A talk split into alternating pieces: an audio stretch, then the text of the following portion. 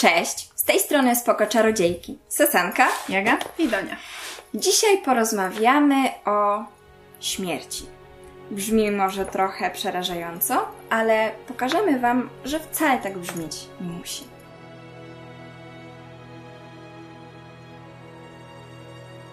W zależności od wieku ludzi trapią różne lęki. Kiedy jesteśmy młodsi, są to obawy przed odrzuceniem, pierwszymi miłościami, co będzie z moją przyszłością i inne tego typu. Gdy jesteśmy starsi, boimy się również odrzucenia, upływającego czasu, starzenia się i innych. Lęki na różnym etapie bywają różne, ale wszystkich nas łączy lęk jeden szczególny lęk przed śmiercią. Dzisiaj trochę o tym porozmawiamy, i, ale porozmawiamy o tym tak nawet pogodnie, pozytywnie. W każdym razie nie musicie się obawiać. Tak jak powiedziała wcześniej Sasanka, dzisiaj będziemy rozmawiać o śmierci, ale bez straszenia, dlatego że w ogóle temat śmierci spowija taka mgła lęku, grozy, mhm, niepewności. I dzieje się to między innymi za sprawą słownictwa. Pomyślcie sobie, słowa, które określają to, co będzie po śmierci, to w co się zamienimy, zostały tak naprawdę stworzone, czy powstały w średniowieczu mniej więcej, w kontekstach religijnych i właściwie nie przystają już trochę do naszej rzeczywistości. To nie są słowa, które przemawiają do ludzi, którzy latają w kosmos, wiedzą co to jest DNA, noszą dżinsy i jeżdżą na elektrycznych hulajnogach. A mimo to religie nadal trochę się upierają przy tym słownictwie, które jest nieco, powiedziałabym, przeterminowane. No bo popatrzcie na to. Duch. Słowo duch kojarzy się nieodłącznie z nawiedzonymi domami, z jakimś straszeniem, z czymś, co jest mroczne, dziwne, niezbadane, niebezpieczne, zapewne zagrażające. Dusza z kolei brzmi jakoś tak samotnie, może nawet trochę złowieszczo. To jest coś takiego trudnego do opisania i trudnego do zdefiniowania. A co z takimi określeniami, które moglibyśmy stosować zamiast tego? No popatrzcie, na przykład świadomość, albo to w przypadku ducha, albo rozciągnięta świadomość jaźni, to w przypadku duszy. Tak samo niebo. Nie wiem jak Wam, ale mnie brzmi jak coś takiego mega egzaltowanego, niedostępnego, tylko dla wybrańców, którzy są absolutnie święci w tym, jak postępują. I trudno sobie trochę wyobrazić siebie, takiego człowieczka, który stara się robić dobrze, ale nie zawsze mu wychodzi, który tak wiecie, w glorii i chwale wchodzi do tego nieba, wszyscy mu biją brawo i cieszą się. A co jeśli moglibyśmy określać tą przestrzeń, którą kiedyś religia nazwała niebem, przestrzenią pozafizykalną albo rzeczywistością pozafizykalną?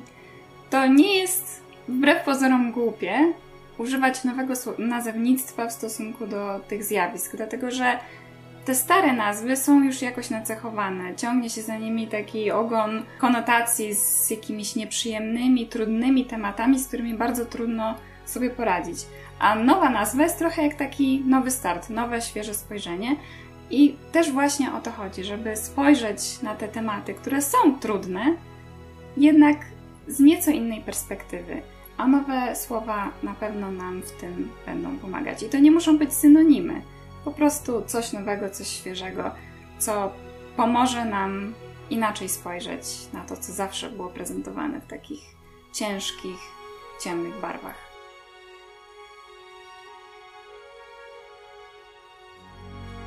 Wielu z nas zadaje sobie pytanie, jednak kiedy już skończymy ten swój ludzki, ziemski żywot, co się z nami dzieje, co jest po drugiej stronie lustra, drzwi, dokąd wędrujemy, czy w ogóle wędrujemy, czy to jest ostateczny koniec, czy może jednak jest coś dalej. I na przykład religia katolicka stworzyła na potrzeby wyjaśnienia tego piekło, niebo, czyściec, buddyści posługują się mm, pojęciem reinkarnacji, z kolei Słowianie uważają, że dusza po śmierci zamienia się w pięknego ptaka, który zamieszkuje mm. na kosmicznym drzewie albo w raju. Jednak wszystkie te koncepcje są takie mm, w pewnym sensie fantastyczny. To jest wytwór naszej wyobraźni, wytwór naszej kultury. Ale co na to nauka, co na to badacze? Przecież przez tyle lat ten temat na pewno był w jakikolwiek sposób e, zgłębiany. Z badań przeprowadzonych przez amerykańskie Towarzystwo Badań Psychologicznych wynika, że relacje osób, które przeżyły śmierć kliniczną, są zadziwiająco podobne do siebie. Wszy niemal wszyscy widzieli tunel, na końcu którego było takie białe, kojące, dobre, przyciągające światło. W tym tunelu często pojawiały się osoby istotne w naszym życiu, które zachęcały do tego, żeby pójść w stronę właśnie tego światła, przejść tą barierę, odejść już, zostawić swoje ziemskie ciało i pójść gdzieś dalej.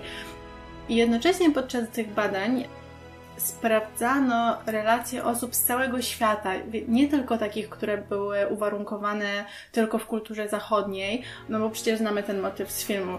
Z, z filmów bardzo często się pojawiało światło i tak moja dusza leci i płynie w tą stronę, ale sprawdzono także mm, doniesienia osób na przykład z Indii albo z Australii. Z drugiej strony, także polecamy Wam bardzo książkę Michaela Newtona pod tytułem Wędrówka dusz, ponieważ Newton to był terapeuta, który badał swoich pacjentów za pomocą hipnozy regresyjnej, ale nie wracał do poprzednich wcieleń, tylko zadał sobie pewnego dnia pytanie: OK, ale co się dzieje pomiędzy? Co się dzieje w tym momencie, kiedy dusza wyskoczy już z jednego ciała, ale jeszcze nie zdąży wskoczyć do kolejnego, dlatego że na podstawie tych um, jego pracy on doszedł do wniosku, że ta nasza dusza, tutaj posłużę się akurat tym słowem z braku lepszego, przeskakuje właśnie do kolejnych wcieleń. No i tutaj również on przebadał bardzo dużo osób, um, również z różnych z różnych grup takich i społecznych i o różnych uwarunkowaniach kulturowych. I znowu pomimo tego, że badani opisywali to, co widzieli innymi słowami, bo każdy z nich miał inny zasób słownictwa, inny słownik w ogóle w głowie, inne okulary, przez które patrzył na świat, to kiedy zebrał to wszystko do kupy, okazało się, że, że te relacje są bardzo zbliżone do siebie, że ta dusza, kiedy wyskakuje z ciała, zamienia się w złotą kulę światła, że wszystkie dusze się przenoszą do jakiegoś białego, bardzo jasnego miejsca, które przypomina taką kopułę, jaką się na przykład dania przykrywa, żeby nie, nie wystygły. I że mało tego, nasze dusze się znają i że my mm, mamy takie rodziny, w pewnym, w pewnym sensie takie rodziny, nasze społeczności, które nas bardzo przyciągają, że my od razu wiemy, do której kuli światła chcemy się przyciągnąć. I zawsze, kiedy wracamy na Ziemię z powrotem, to wracamy w, w tej samej ekipie. Nie, niekoniecznie już w tej samej relacji, ale, ale mamy cały czas powiązania z, tą, e, z tymi samymi osobami dlatego że tutaj jest nasza robota do zrobienia. Mało tego, on również tam opisywał coś takiego, że nasza dusza analizuje swoje poprzednie wcielenia i na podstawie tej analizy dusza już zawczasu decyduje, jaką naukę, jakiego doświadczenia chce doznać. Czy jej życie ma być w bogactwie, czy w biedzie, czy w grupie, czy w samotności. Czy jej życie ma być pełne dobroci, otrzymywania i dawania, czy może jej, tak, czy może w tym życiu ma, ma, ma doświadczyć niekoniecznie dobrych zjawisk. No, także y, tych badań jest trochę, one są niesamowicie ciekawe i i co jest bardzo, bardzo, bardzo interesujące, to że one, one się wszystkie tak gdzieś zaczepiają. Mhm. Że bez względu na to, kto gdzie bada i co bada, to w pewnej chwili się okazuje, że jest cała masa wątków wspólnych. To, co opisujesz a propos wędrówki dusz, też miało miejsce w odczytach poczynionych przez Edgara Kajsa, czyli słynnego śniącego proroka. I on właśnie mówił o tym, że pomiędzy żywotami dusza trafia czegoś, co określał astralną edukacją, gdzie może zanalizować cały, cały przebieg mhm. swojego poprzedniego życia i zobaczyć, co jeszcze tam do roboty jej zostało, aby doświadczyć wszystkich aspektów człowieczeństwa.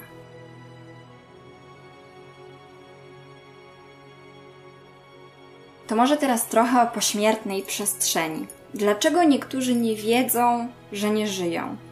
Może łatwiej by było, gdyby w istocie tak to się stało, że pojawiamy się tej przestrzeni nowej, cherubinki śpiewają, złote trąbki i tak dalej. Ale z tego, co mówi nauka, przynajmniej szczątkowo na razie, tak to nie wygląda. Więc jak wygląda ta pośmiertna przestrzeń, do czego można ją porównać. Najlepszą przenośnią i porównaniem jest śnienie, ponieważ ta przestrzeń pośmiertna najprawdopodobniej przypomina sen. W trakcie snu możemy spotykać ludzi, rozmawiać z nimi, a nawet porozumiewać się telepatycznie. Przestrzeń ta jest bardzo zbliżona do tej przestrzeni naszej teraźniejszej, ziemskiej, ale często może być zupełnie odrealniona i niesamowita, bo takie bywają również sny. Świat snu reprezentuje odmienny obraz rzeczywistości. Co ważne, przestrzeń snu jest nieskończona. Śnić możecie tak naprawdę wszystko. I podobnie jest z tym stanem po śmierci. A przynajmniej tak utrzymują badacze, którzy się tym materiałem snów zajmują i którzy to sprawdzają. Ta perspektywa jest o tyle ciekawa i taka miła dla umysłu i wizji przyszłego odejścia, że często ludzie wyobrażają sobie ten stan po śmierci jako taką mroczną, pochłaniającą pustkę, przepaść bez dna, czerń, która zjada człowieka. A jeśli myślimy o tym jako o śnieniu, to wydaje się takie całkiem akceptowalne i przyjemne. Przynajmniej ja uwielbiam śnić. To znaczy, nie zakładam, że uwielbiam umierać. Ale kto wie. Jeszcze do tego, e, ciężko jest nam wyobrazić sobie, że nas nie ma. To jest zaprzeczenie, już sam fakt tego, że sobie wyobrażamy, że nas nie ma, zaprzecza temu, że nas nie ma. A jakby najświeższe badania i w ogóle wszystko to, co wiemy, wskazuje na to, że nie ma czegoś takiego, że nas nie ma, bo to, co, czego nie ma i, tego, i to, co umiera, to jest nasze ciało. Nasza świadomość, ona trwa nieprzerwanie, nieskończenie mm. jest, wiecie, jak taka długa, długa taśma, która po prostu przybiera różne kształty, przybiera różne formy, Ewoluuje. pojawia się w różnych miejscach, ale to jest cały czas ta sama świadomość, która się rozwija, podróżuje i doświadcza.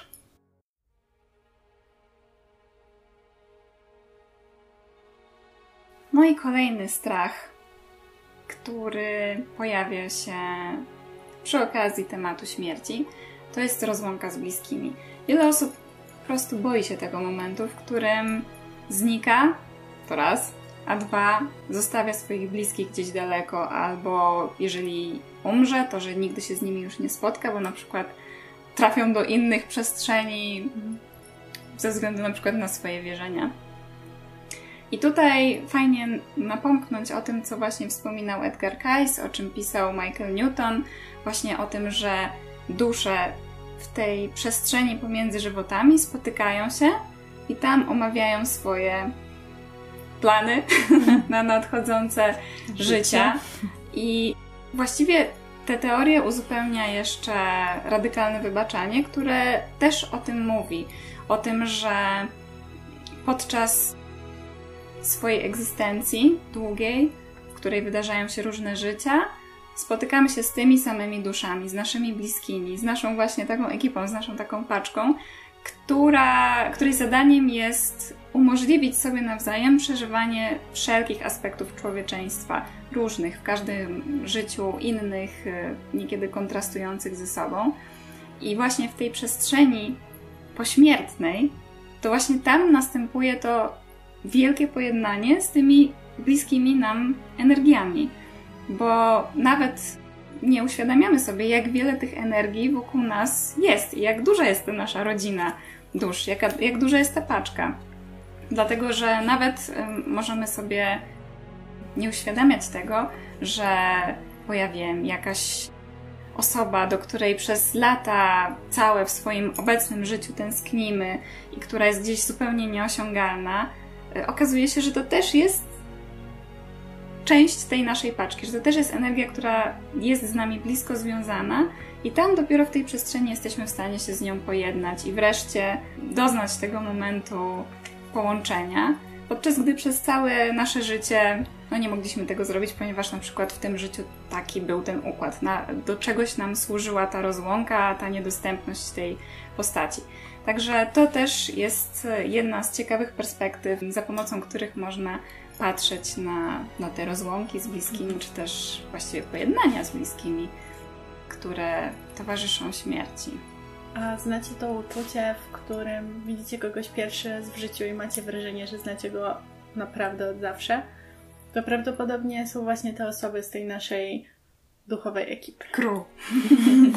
Da crew. Soul Squad. W szeroko pojętej ezoteryce pojawia się też takie pojęcie jak poziomy rozwoju duszy. Wiek duszy. Wiek duszy to mm, na jakim etapie jest obecnie nasza dusza, to też wpływa w pewien sposób na to, co my w swoim życiu robimy, to jakie mamy te przeszłe doświadczenie, to procentuje w, w obecnym życiu. Ale jeżeli nasza dusza rozwija się w takim, wiecie, dobrym tempie, sukcesywnie idzie do przodu, idzie, idzie, to dochodzi do takiego momentu, w którym osiąga ten najwyższy punkt rozwoju duszy. I to jest już taka chwila, w której ona już nie musi wracać z powrotem na ziemię, już zrobiła to, co ma do zrobienia, nauczyła się tego, czego miała się nauczyć i odlatuje gdzieś, w jakieś miejsce, w którym już czeka na nią um, Do źródła. do źródła, tak? W którym już nie Albo ma, światła. nie ma czasu, nie ma, nie ma nie wiem, doświadczeń, wszystko jest jedną spójną jaźnią. I w tym momencie, trochę a propos tego, co Jaga mówiła o tej rozłące z bliskimi, może się pojawić, okej, no dobra, a co jeżeli osoba, którą kocham i z którą się spotykam w tych różnych wcieleniach, jeżeli ona się rozwinie szybciej niż ja i ona już odleci gdzieś tam hen daleko, ja mam jeszcze 10 wcieleń. Co się w tym momencie dzieje? Przecież ja teraz będę 10 wcieleń cierpiał z powodu tego braku, tego niedosytu. Tylko tutaj wchodzi też wątek nieliniowości czasu. Czas jest liniowy tylko u nas. I to tylko, tylko my go tak odbieramy jako ludzie. A jednocześnie wszystkie nasze ży żywoty, te poprzednie, ten obecny, wszystko co się wydarzyło w tym obecnym żywocie, to co się przydarzy, to się wszystko zapętla i Dzieje takim- się teraz. to, to, to się dzieje już i to się tak naprawdę już wszystko wydarzyło. Więc to, że nasz ukochany, nasza ukochana jest już gdzieś hen daleko, to wcale nie znaczy, że my nie możemy doświadczać jej, jego obecności w swoich kolejnych żywotach. Jak sami widzicie, temat śmierci jest wielowymiarowy i niezbadany. Ja mocno wierzę w to, że każdy ma to, w co wierzy, więc dlaczego nie wierzyć w to, że po śmierci czekają nas kolejne przygody, to, że to nie jest koniec, że to jest To początek. kolejnej wspaniałej przygody i pozwolić sobie płynąć właśnie z tym prądem, czy duchowym, czy magicznym, czy nawet religijnym. Z naszej strony to już wszystko. Dziękujemy za uwagę i zapraszamy do oglądania kolejnych odcinków. Pa, pa! pa!